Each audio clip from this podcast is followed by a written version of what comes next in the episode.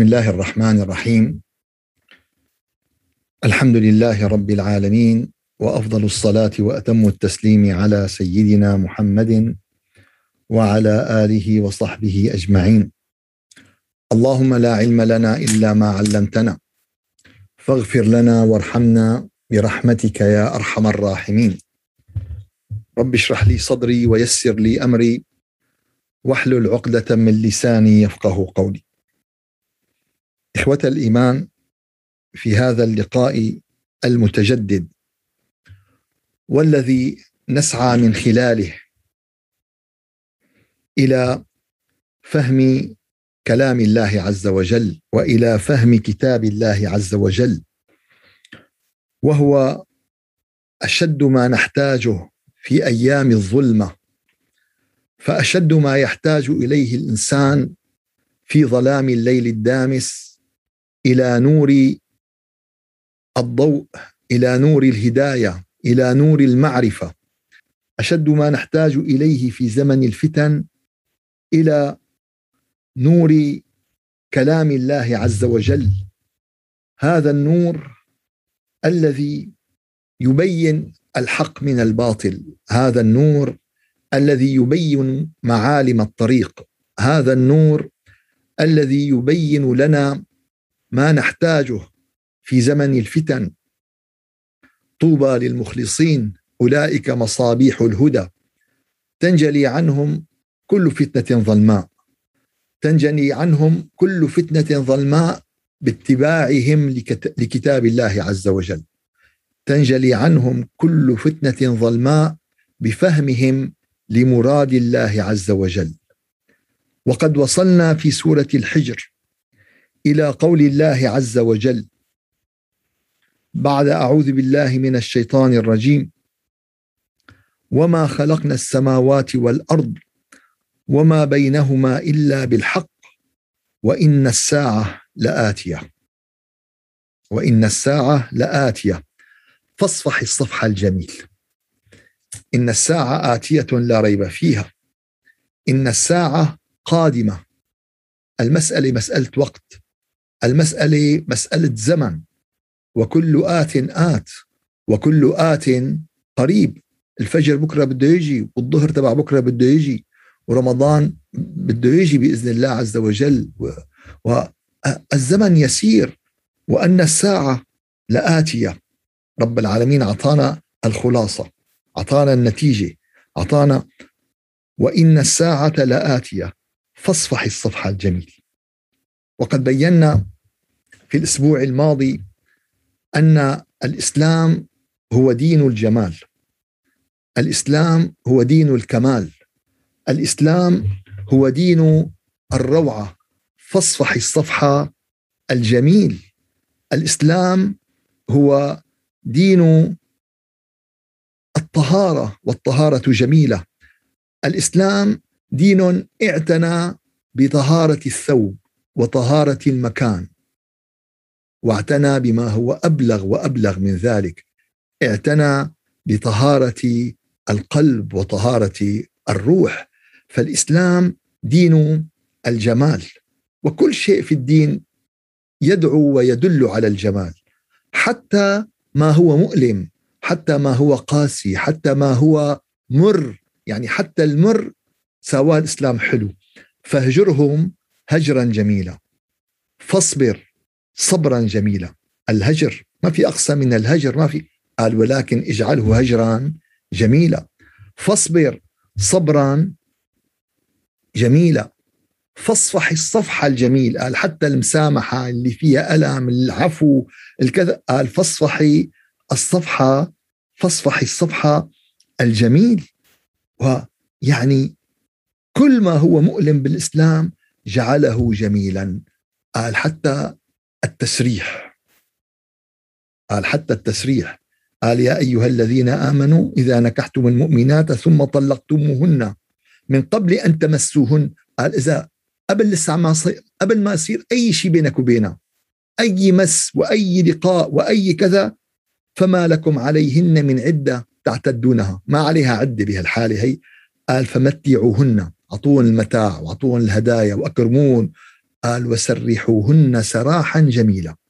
قال حتى الفراق شو بده يكون؟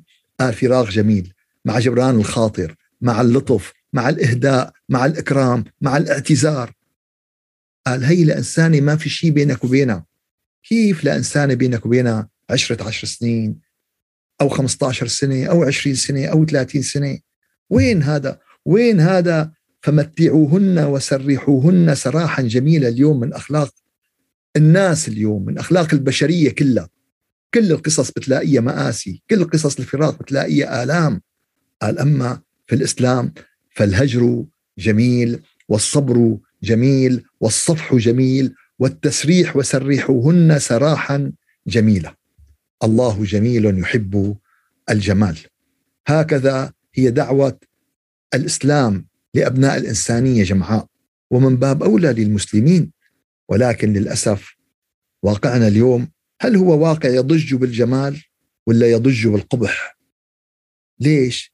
لأن الإسلام غير موجود حقيقة في سلوكنا. الإسلام غير موجود. الإسلام بالاسم الإسلام بالهوية. سعيد ومحمد وخالد وأحمد وحسين وتحسين وعلي وعمر. بس بالحقيقة إن هي إلا أسماء سميتموها. بس عم نسمي حالنا أسماء بدون حقيقة. إذا جبت لك تفاحة بلاستيك وقلت لك تفاحة تاخذ عضة بتكسر أسنانك. التفاحة الحقيقية مو هيك. التفاحة الحقيقية بتأخذ عضة بتشعر بحلاوتها بتشعر بطعمتها تشعر بروعتها.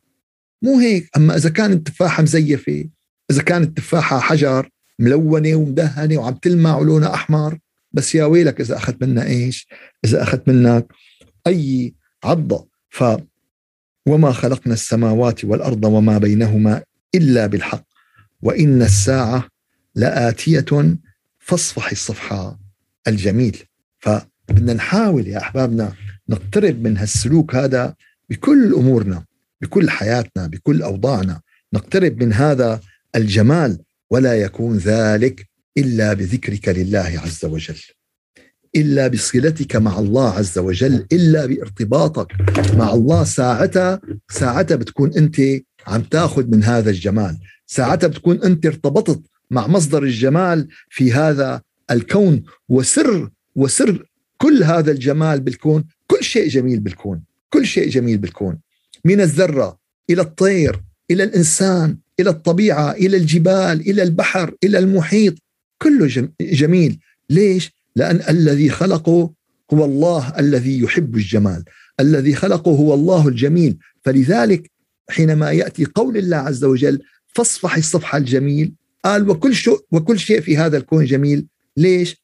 قال لأن إن ربك هو الخلاق العليم. الآية 86 لأن ليش؟ قال إن ربك هو الخلاق العليم. هذا هو السر هذا هو سر جمال حبة العنب. وهذا هو سر جمال حبة الفريز وهذا هو سر آه، جمال الخضروات والفواكه وهذا سر جمال القمر وهو كالبدر في ليلة النصف وهذا سر الجمال للشمس اللي عم تعطي الضوء لكل وهذا سر الجمال للنسيم العليل وهذا سر الجمال للمجرة وللنجمة وللكون ولكل شيء ليش؟ قال لأن إن ربك هو الخلاق العليم هو الذي خلق هذا الكون. هو الذي أبدع كل شيء خلقه. هو الذي أحسن كل شيء خلقه. ثم هدى. هو الذي بين لنا هذا الجمال وهذه الروعة. وفي أنفسكم أفلا أفلا تبصرون؟ ما بتشوف جمال الإنسان؟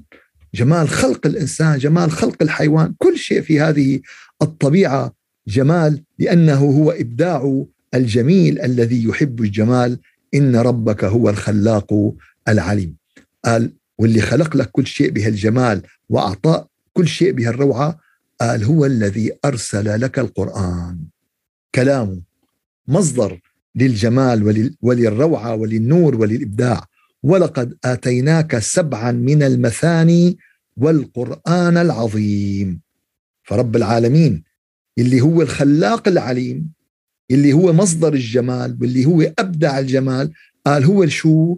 هو اللي ولقد آتيناك سبعا من المثاني والقرآن العظيم الآية 87 فالمثاني إخوة الإيمان كان للمفسرين آراء فيها وكان لهم أقوال وهذه الآراء الحقيقة يعني تستحق الاستعراض وتستحق المعرفة. قال المثاني هي يعني القرآن كله فكل القرآن مثاني كل القرآن مثاني.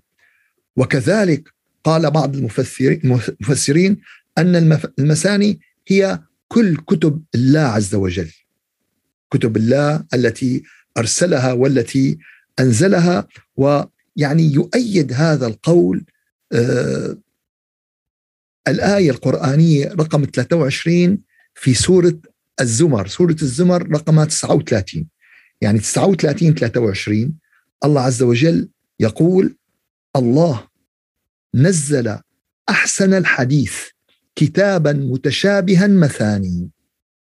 أحسن الحديث كتابا متشابها مثاني. فمما يدل أن المثاني تعني القرآن الكريم كله. ومن معنى يعني المثاني يعني بيقول لك مثنى وثلاث قال هو التكرار التكرار والعد. فتجد في القرآن الكريم أن هناك تكرار. ليش؟ مو الغاية فقط أنه القراءة مو الغاية هي الفهم والتكرار يساعد على الفهم. وخاصة إذا كررت بأكثر من شكل. يعني أنا بعطي دروس باللغة الإنجليزية فبسأل بعض المختصين أعطوني نصائحكم فسألت إحدى المختصين في اللغة. فقلت لها شو رأيك؟ قالت لي قالت لي النتيجة إنه اللي عم يسمعك عم يفهم عليك. قالت لي لأنك أنت بتكرر الجملة بأكثر من شكل. يعني نفس المعنى بتعطيه أول شكل بتعطيه ثاني شكل. قالت لي فاللي ما بيفهم من الشكل الأول بيفهم من الشكل الثاني. فلذلك هي النتيجة المطلوبة. المطلوبة أن التكرار يساعد على الفهم. التكرار لنفس العبارة. وطبعا هي لا تأتي بنفس الشكل. هو ليس تكرارا تاما وإنما فكرة التكرار. قصة سيدنا موسى مذكورة بالقرآن ب 17 موضع. قصة سيدنا صالح نبي الله صالح وقومه آه، ثمود مذكورة بالقرآن ب 20 موضع. ليش؟ لأن كل مرة ركزت على ناحية. كل مرة أضاءت لون. كل مرة ولكن هذا التكرار يثبت القضية في القلب يثبت القضية ويساعد على يساعد على الفهم فهذا يرسخ المعاني ويعظ الإنسان ويعين على الهداية وتكرار القضية في أكثر من موضع بأكثر من لون وأكثر من شكل تساعد على خطاب الناس مو كلها نفس المدخل اللي بيسموه الانترفيس بالكمبيوتر. طريقة الوصل. في إنسان يتأثر بالصوت في إنسان يتأثر بالصورة. يقول لك حسي بصري في إنسان سمعي في إنسان حسي في إنسان بصري. فكل واحد فمرة تلاقي جهنم يوصفها بالصوت فيتأثر السمعي. مرة يصفها باللون والشكل مرة يصفها بالإحساس. فكل مرة يتأثر الإنسان بشكل من الإشكال. فهذا التكرار في القرآن الكريم هو إيش؟ هو من المثاني. فمعاني عديدة وردت في مواضع متعددة. فالتكرار في القرآن هدفه هدفه إيش؟ هدفه الفهم والهداية. وهذا من معنى المثاني التكرار. شيء آخر من معنى المثاني هو التجدد حالا بعد حال. أن يتجدد المعنى حالا بعد حال. فذكر بعض المفسرين أن من معاني المثاني أنه يتجدد حالا بعد حال. كلما جد ظرف جديد. أو مشكلة جديدة أو موضوع خاص. رأيت آية في كتاب الله عز وجل تغطي هذه الحالة. كلما سمعت قضية عظيمة في تهم البشرية جمعاء وتؤثر على مسارها وتؤثر على حياتها تجد أن في شيء في القرآن يعني أضاء لنا لم يكن سابقا آه، ندركه أو نفهم معناته. فعلى سبيل المثال رب العالمين ذكر في سورة النحل الآية رقم 8 سورة النحل رقم 16 الآية رقم 8 قال والخيل والبغال والحمير لتركبوها وزينة. قال أنتم عندكم الخيل والبغال والحمير بتركبوها وهي زينة لكم وهذا حقيقة كان الناس يفتخروا بالركوب على الخيل وإلى اليوم بيفتخروا بالركوب على الدواب بيفتخروا فهي والخيل والبغال والحمير لتركبوها وزينة. بس ولكن هذا الأمر يعني قد انحسر منذ مئة عام تقريبا حينما بدأت اختراعات واكتشافات آه، القطار والسيارات والمركبات والطائرات والكذا. انحسر هذا الأمر. فبيقول لك معناتها القرآن غطى المعنى لفترة معينة. طيب ماذا بعد هذه الفترة المعينة؟ نقول له لا يا أخي كمل الآية. والخيل والبغال والحمير لتركبوها وزينة. ويخلق ما لا تعلمون. الله أكبر. ويخلق ما لا تعلمون. شو بيخطر ببالك؟ كل شيء إلى يوم القيامة سيقوم الإسلام باختراعه بالأخير من من خلق الله وإلهام الله وإبداع الله. أصلا الإنسان هو من خلق الله. يعني الإنسان هو مخلوق لله عز وجل. فكل اختراعات التسلا الطيارات الصواريخ كله اليوم قال ويخلق ما لا تعلمون. فهذا يعطيك معنى أن من معاني القرآن المثاني أنه متجدد. كلما زدته ذكرا زادك معنى. كلما كان جديد يغطي الجديد بالمعنى العام بالمعنى الاستراتيجي. فكل هذه المعاني لا تخلق في آيات في القرآن الكريم معانيها لا تنتهي. فلا أقسم بما تبصرون وما لا تبصرون. كنا سابقا إنه شايفينه لحد القرن التاسع عشر إنه ما من آمن إلا بالشيء اللي شايفينه. بعدين طلع معنا اللي ما لنا شايفينه أكثر من اللي ما من اللي شايفينه. واللي ما لنا شايفينه أدهى من اللي شايفينه. اللي ما لنا شايفينه أدهى. يعني الحية شايفينها. أما فيروس الكورونا ما لنا شايفينه. مين أخطر على البشرية اليوم الحية ولا فيروس الكورونا؟ ف فلا أقسم بما تبصرون وما لا تبصرون. فهناك آيات يعني واسعة المعنى معانيها لا تنتهي. فلينظر الإنسان إلى طعامه. معنى لا ينتهي من هذا البحث وهذا الكلام بس بحث الطعام. في اليوم جامعات على الطعام الصحي وفي اختصاصات.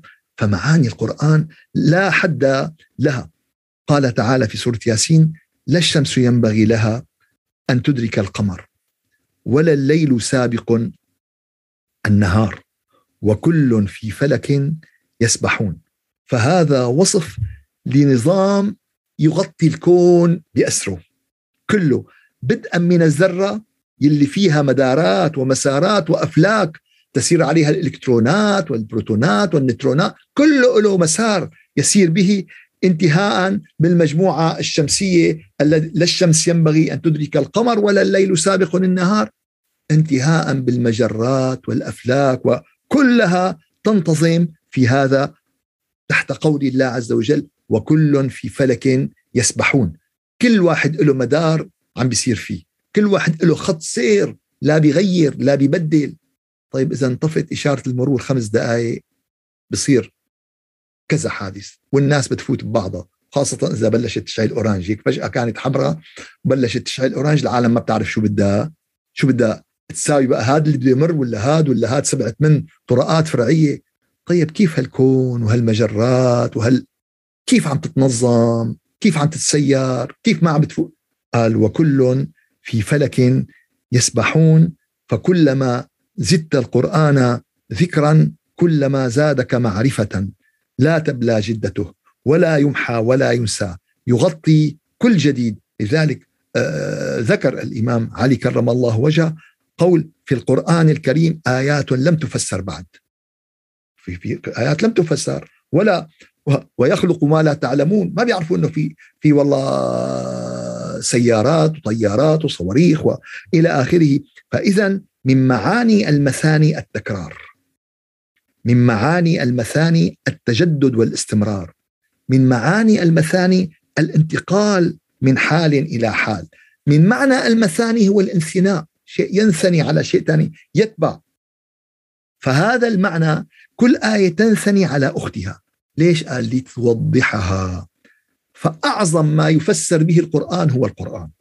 أول تفسير وأعلى درجات التفسير وهذا بإجماع العلماء التفسير قاطبة يقول لك أعلى تفسير للقرآن هو تفسير القرآن بالقرآن.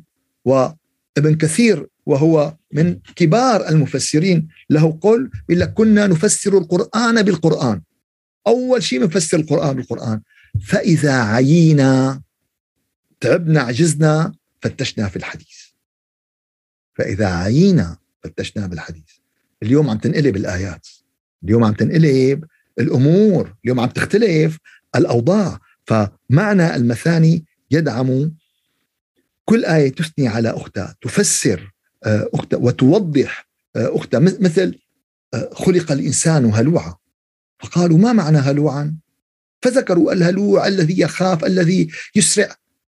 قال لا انظر إلى القرآن. إذا مسه الشر جزوعا وإذا مسه الخير منوعا. فهذا الهلوع إذا مسه الشر جزوع. دغري تلاقيه انزعج اكتئب وإذا مسه الخير امتنع. قال هذا هو الهلوع. فهذا تفسير الهلوع. فخير ما يفسر به القرآن هو القرآن الكريم. فكذلك الأمر من معنى المثاني هو الثناء.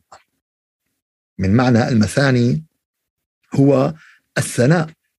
وهذا المعنى الذي يعني آه، يبين فيه الله عز وجل أن هذا القرآن فيه ثناء على الله عز وجل. وأعظم كتاب يعرف بالخالق هو القرآن الكريم. اليوم هدف من أهداف البشرية جمعاء إنه يعرفوا إنه أول شيء في خالق وبعدين من هو هذا الخالق؟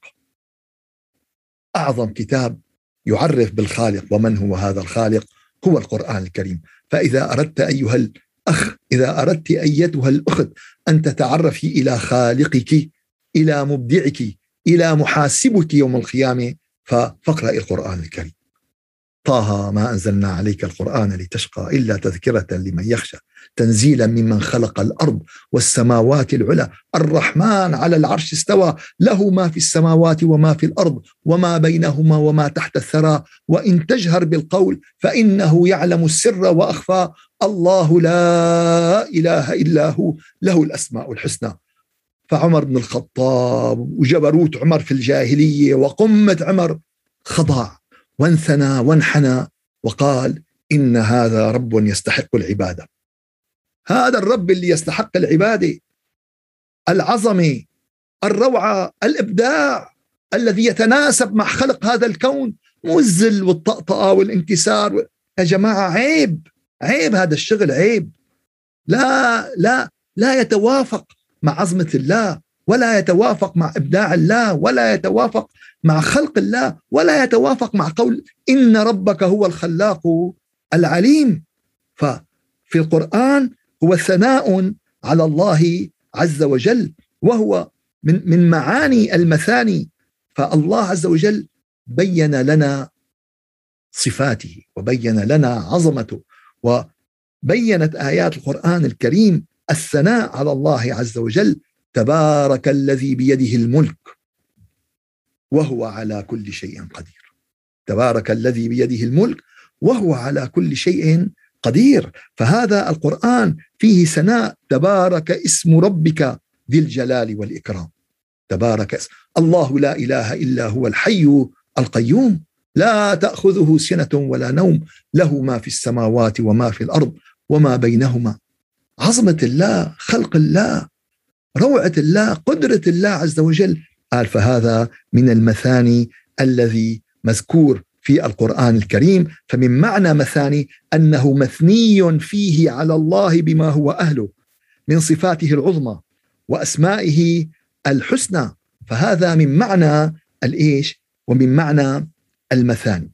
فكما ذكرنا ولقد آتيناك سبعا من المثاني والقرآن العظيم فالمثاني من التكرار التربوي الذي يقصد منه الهداية والتعليم والتربية التجدد المثاني أنك لا تمل قراءته لا يبلى لا تسأم منه لا تنتهي معانيه. ف وفيه من الوسعة لو كان البحر مدادا لكلمات ربي لنفد البحر قبل أن تنفد كلمات ربي ولو جئنا بمثله مددا. قد ما فهمت بكلام الله وقد ما أبحرت وقد ما توغلت فانت نقطة في هذا المحيط. أنت نقطة في هذا في هذا البحر.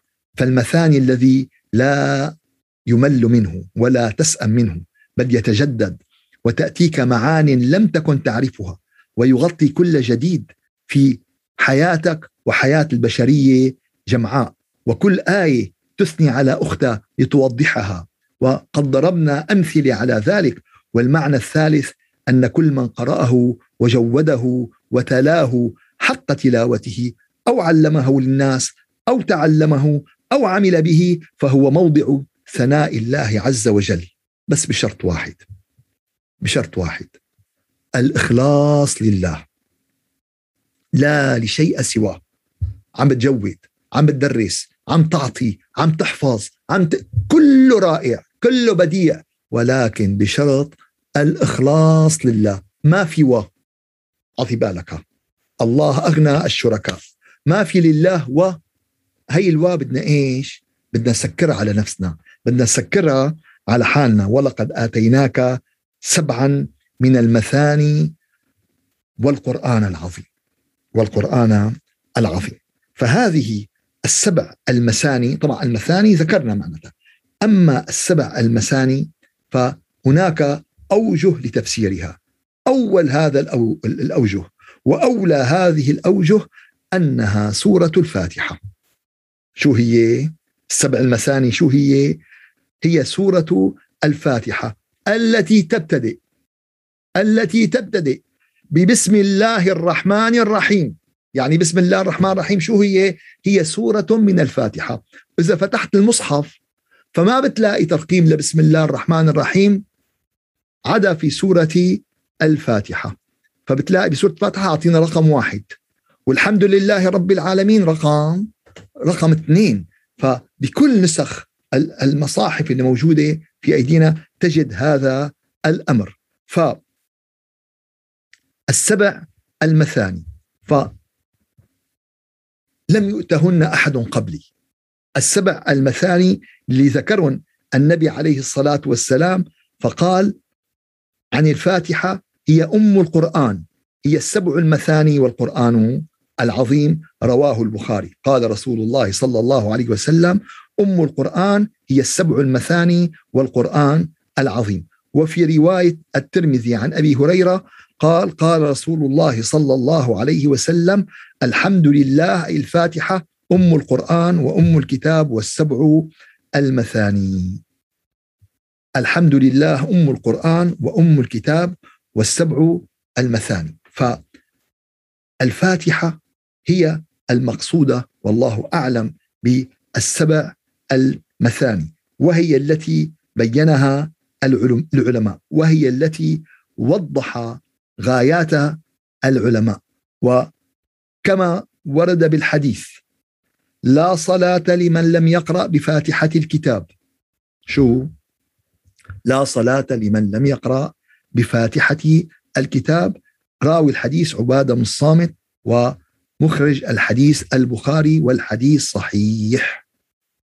فلا صلاة لمن لم يقرأ بفاتحة الكتاب. يعني بيجيك إنسان أجنبي بيقول لك يا أخي أنا صعب علي القرآن ما عم بحسن أتعلم بتعلمه الفاتحة. شو الفرض؟ إنك تعلمه فاتحة. طبعا بعدين إذا حفظ القرآن كله الله يزيد ويبارك. بس الأول شيء اللي مطلوب منه بصلاته شو؟ بصلاته يتعلم الفاتحة. فلا صلاة لمن؟ وحتى إذا وقفت خلف الإمام فعليك أن تقرأ الفاتحة بفترة السكوت بين القراءة الجهرية. بس ما تشوش على الإمام. تقرأها بنفسك. ما تشوش لا على الإمام ولا على المصلين اللي إيش؟ ولا على المصلين اللي معك. وبسم الله الرحمن الرحيم. هي إيش؟ هي آية من الفاتحة. يعني مو تبدأ دغري بالحمد لله. فبقول لي البعض إنه والله طيب يا أخي الأئمة بيبدوا بالحمد لله. ما بنقول له معلش هو بيصير على مذهب آه، آخر على مذهب الإمام الحنفي هو يقرأ بسم الله ولكن لا يجهر بها. ما بدنا ندخل بها القصص وندخل بها التفاصيل. بسم الله الرحمن الرحيم مطلوبة وقراءة الفاتحة في الصلاة مطلوبة والفاتحة هي أم الكتاب. الفاتحة حوت في طياتها كل مقاصد القرآن الكريم. حوت في طياتها شو؟ كل معاني وكل مقاصد القرآن الكريم وهي العنوان للقرآن الكريم. ومعروف دائما بسموه عند العرب براعة الاستهلال. شو براعة الاستهلال؟ يعني دائما البداية تكون في منتهى البراعة ليش؟ لأن تحوي كل المعاني المطلوبة ثم يبدأ الإنسان بالتفسير. فالفاتحة هي حوت مقاصد القرآن الكريم وأتى بقية سور القرآن الكريم مفسرة للفاتحة. فالفاتحة فيها من النور فيها من المعاني فيها من العطاء ما لا ما لا يعلمه الله عز وجل. ونحن بأمس الحاجة لإدراك شيء من هذه المعاني. عن أبي هريرة. رضي الله عنه عن النبي صلى الله عليه وسلم قال من صلى صلاة لم يقرأ فيها بأم القرآن فهي خداج. مثل الطفل الخديج اللي بيجي قبل بوقته. بيجي ناقص بيجي أبد بيجي سبيعي بيجي كذا لساته قال فهي خداج. ثلاثا غير تمام. فقيل لأبي هريرة إنا نكون وراء الإمام. فقال اقرأ بها في نفسك فإني سمعت رسول الله صلى الله عليه وسلم يقول قال الله تعالى قسمت الصلاة بيني وبين عبدي نصفين ولعبدي ما سأل. يعني اعتبرت الفاتحة هي الصلاة. فإذا قال العبد الحمد لله رب العالمين قال الله تعالى حمدني عبدي. وإذا قال الرحمن الرحيم قال تعالى أثنى علي عبدي. وإذا قال مالك يوم الدين قال مجدني عبدي أو فوض وقال مرة فوض إلي عبدي. فإذا قال إياك نعبد وإياك نستعين قال هذا بيني وبين عبدي ولعبدي ما سأل. ولعبدي ما ما سأل. قال يا رب شو بدنا نسأل؟ في شغلات كتير وفي مطالب كتير وفي قال رب العالمين باسمه الرب. قال أنا راح أعلمكم. أنا راح أفهمكم. أنا راح أبين لكم شو بدكم تسألوا لأن هذا أهم شيء في حياتكم. قال اهدنا الصراط المستقيم. اهدنا الصراط المستقيم. صراط الذين أنعمت عليهم غير المغضوب عليهم ولا الضالين. قال هذا لعبدي ولعبدي ما سأل رواه مسلم. يا أحبابنا الصلاة مدرسة الصلاة أكاديمية. الصلاة علم الصلاة نور الصلاة رقي بالأخلاق إن الصلاة تنهى عن الفحشاء والمنكر. الصلاة تنهى عن الفحشاء والمنكر. قال ترتقي بأخلاقك تسمو بأخلاقك. قال ولذكر الله أكبر. وذكرك لله أكبر. ليش؟ لأنه هو صلتك مع الله عز وجل. صلتك مع مصدر النور ومصدر العلم ومصدر الجمال ومصدر كل خير يمكن أن تتصوروا في هذا في هذا الكون. فالصلاة مدرسة الصلاة جامعة أكاديمية مين أستاذك فيها؟ الله عز وجل. الصلاة حوار بينك وبين الله عز وجل. عم تقول له الحمد لله رب العالمين. عم بيقول لك حمدني عبدي. والحمد لا ينتهي. الحمد الأول وليس له. وليس له آخر.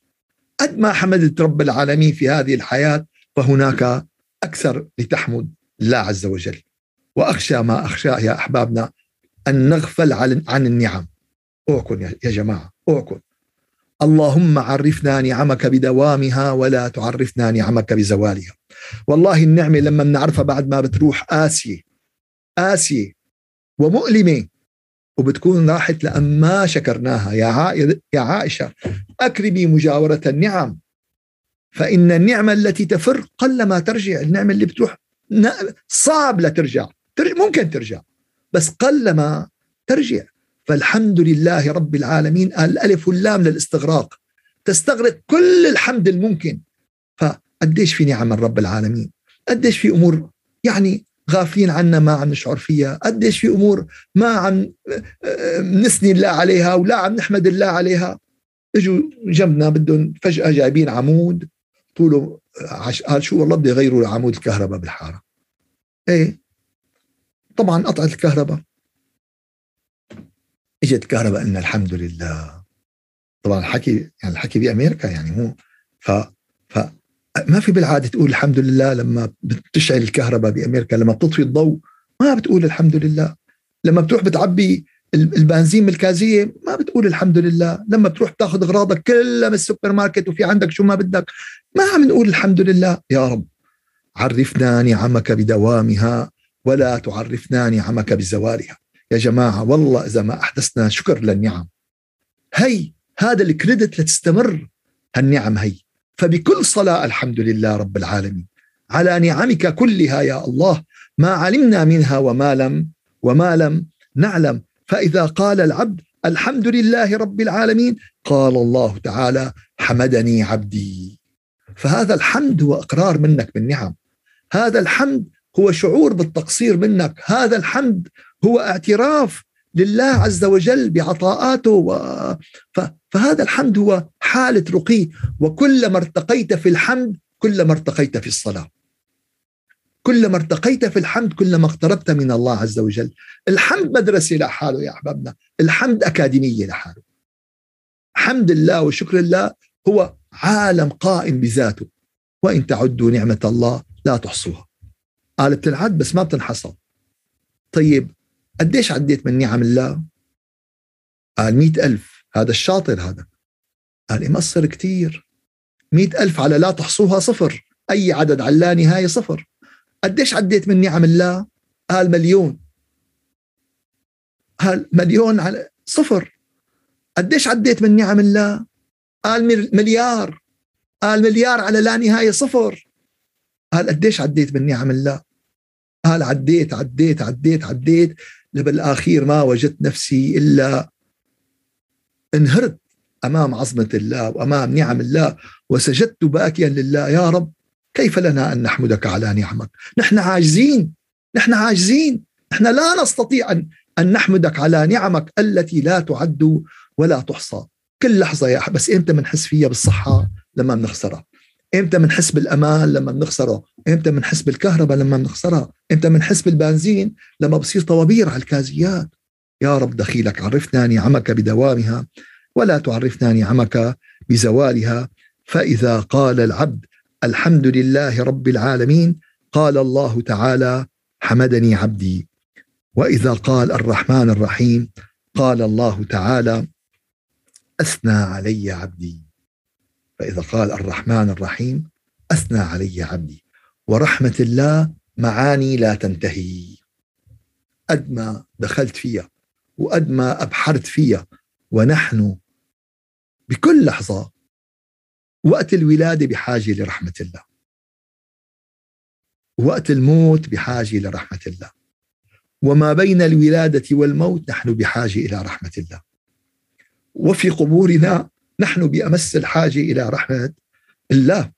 وإذا قامت القيامة ووقفنا على أبواب الحساب نحن بأمس الحاجة إلى إلى رحمة الله. يا جماعة والله الصلاة كنز. يا جماعة والله الفاتحة كنز. والله الذي لا إله إلا هو أن الفاتحة توصلك إلى محبة الله ومعرفة الله وإلى الولاية. ما بيقول لك فلان من الأولياء؟ قال إيه الفاتحة بتوصلك للولايه طيب شو عم نساوي لكان؟ عم نقرأ كل مرة كل يوم عم نقرأ الفاتحة 17 مرة وعم تمشي يعني بدون ما نحس وبدون ما نشعر وبدون ما ندرك ماذا نملك في أيدينا من الكنوز. ليش يا أحبابنا؟ لأن هي السبع المثاني التي أنزلها الله. إن ربك هو الخلاق العليم. فالخلاق العليم هو الذي آتاك سبعا من المثاني والقرآن والقرآن العظيم. يا أحبابنا غرقانين ببحار من الغفلة. غرقانين ببحار من البعد. بس عم نمرك وقت بس عم بدنا نرقد بعدين. بدنا نرقد على شو؟ على الحياة الدنيا. بدنا نرقد على ضياعة الوقت. بدنا نرقد على العلاق المصدي. بدنا نرقد على شيء سنتركه كله عاجلا ولا اجلا. طقمك راح تتركه وسيارتك راح تتركه وبيتك راح تتركه كله راح تتركه. أما هذه المعاني هي التي ستبقى نورا في قبرك. هي التي ستبقى نورا في آخرتك. هي التي ستبقى نورا في حياتك الأبدية.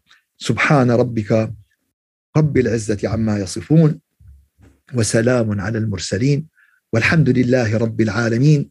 إلى شرف النبي وأرواح المؤمنين. وإلى روح من سبقنا من آبائنا وأمهاتنا وأرحامنا ومشايخنا وأساتذتنا وتلامذتنا إلى دار البقاء الفاتحة. أعوذ بالله من الشيطان الرجيم، بسم الله الرحمن الرحيم.